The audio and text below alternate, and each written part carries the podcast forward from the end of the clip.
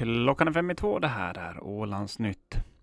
Ömsen-koncernens resultat för 2023 landar på minus 2,6 miljoner euro, meddelar man i en bokslutskommuniké. Det är 13,4 miljoner euro bättre än 2022 då man backade med lite drygt 16 miljoner euro. Det är placeringsverksamhetens bidrag till resultatet som ökat mest, från minus 7,1 miljoner euro till plus 2,8 miljoner. Där har intäkterna ökat med över en miljon euro, men man har minskat kostnaderna med nästan 8 miljoner euro.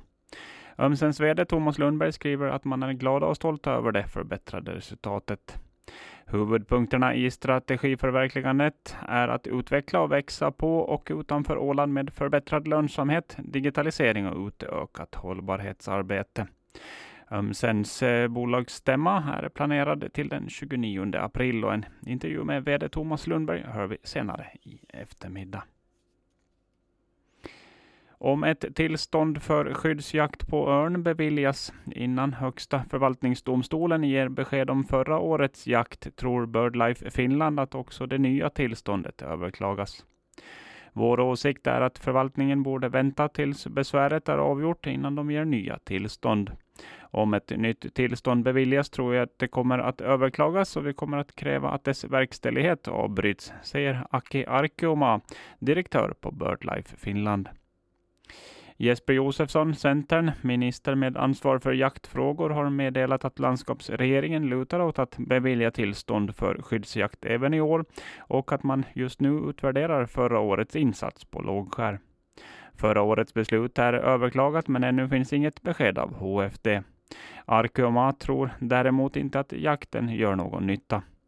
Det är ingen idé att döda några enstaka havsörnar. Det påverkar inte lågskärsejdrar eller havsörnens utbredning på något sätt, men orsakar ryktesskador för Finland och Åland, säger Arkeoma.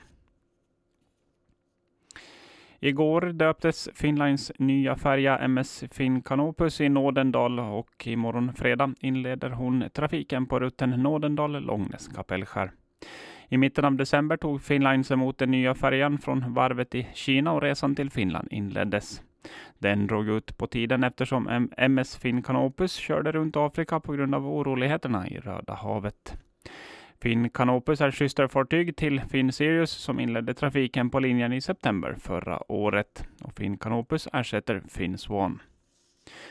Och Finn Canopus eh, fick problem med akterrampen och det gjorde att Viking Lines MS Viking Glory inte kunde angöra Långnäs i natt, natten till torsdag. Akterrampen gick enligt uppgifter till Ålands Radio inte att stänga. Viking Lines informationsdirektör Johanna Boyer Svanström bekräftar att Viking Glory åkte förbi Långnäs på grund av problem med Finn Canopus akterramp.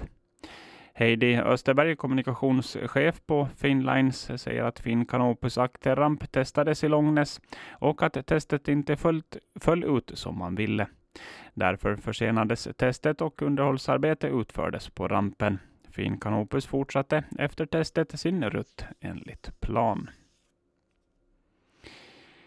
Och ikväll kan det vara skäl att slå på Sveriges Television och se om man ser några bekanta ansikten. Ikväll sänds det första av eh, två avsnitt där Sveriges Televisions program Antikrundan besöker Åland. Under årets säsong besöker programmet varje ort två gånger och avsnitten på Åland spelas in i slutet av augusti 2023. Bland föremålen som värderades fanns exempelvis tavlor från Önningeby-kolonin och eh, Tove Jansson-objekt. Kvällens program sänds klockan 21.00 på SVT1 och det andra avsnittet från Åland sänds den 14 mars. Och till sist vädret. Resten av dagen är det dis eller dimma. Temperatur 1 2 plusgrader och vinden är svag ost-sydostlig. Dimman håller i sig hela natten och temperaturen är runt 0 grader.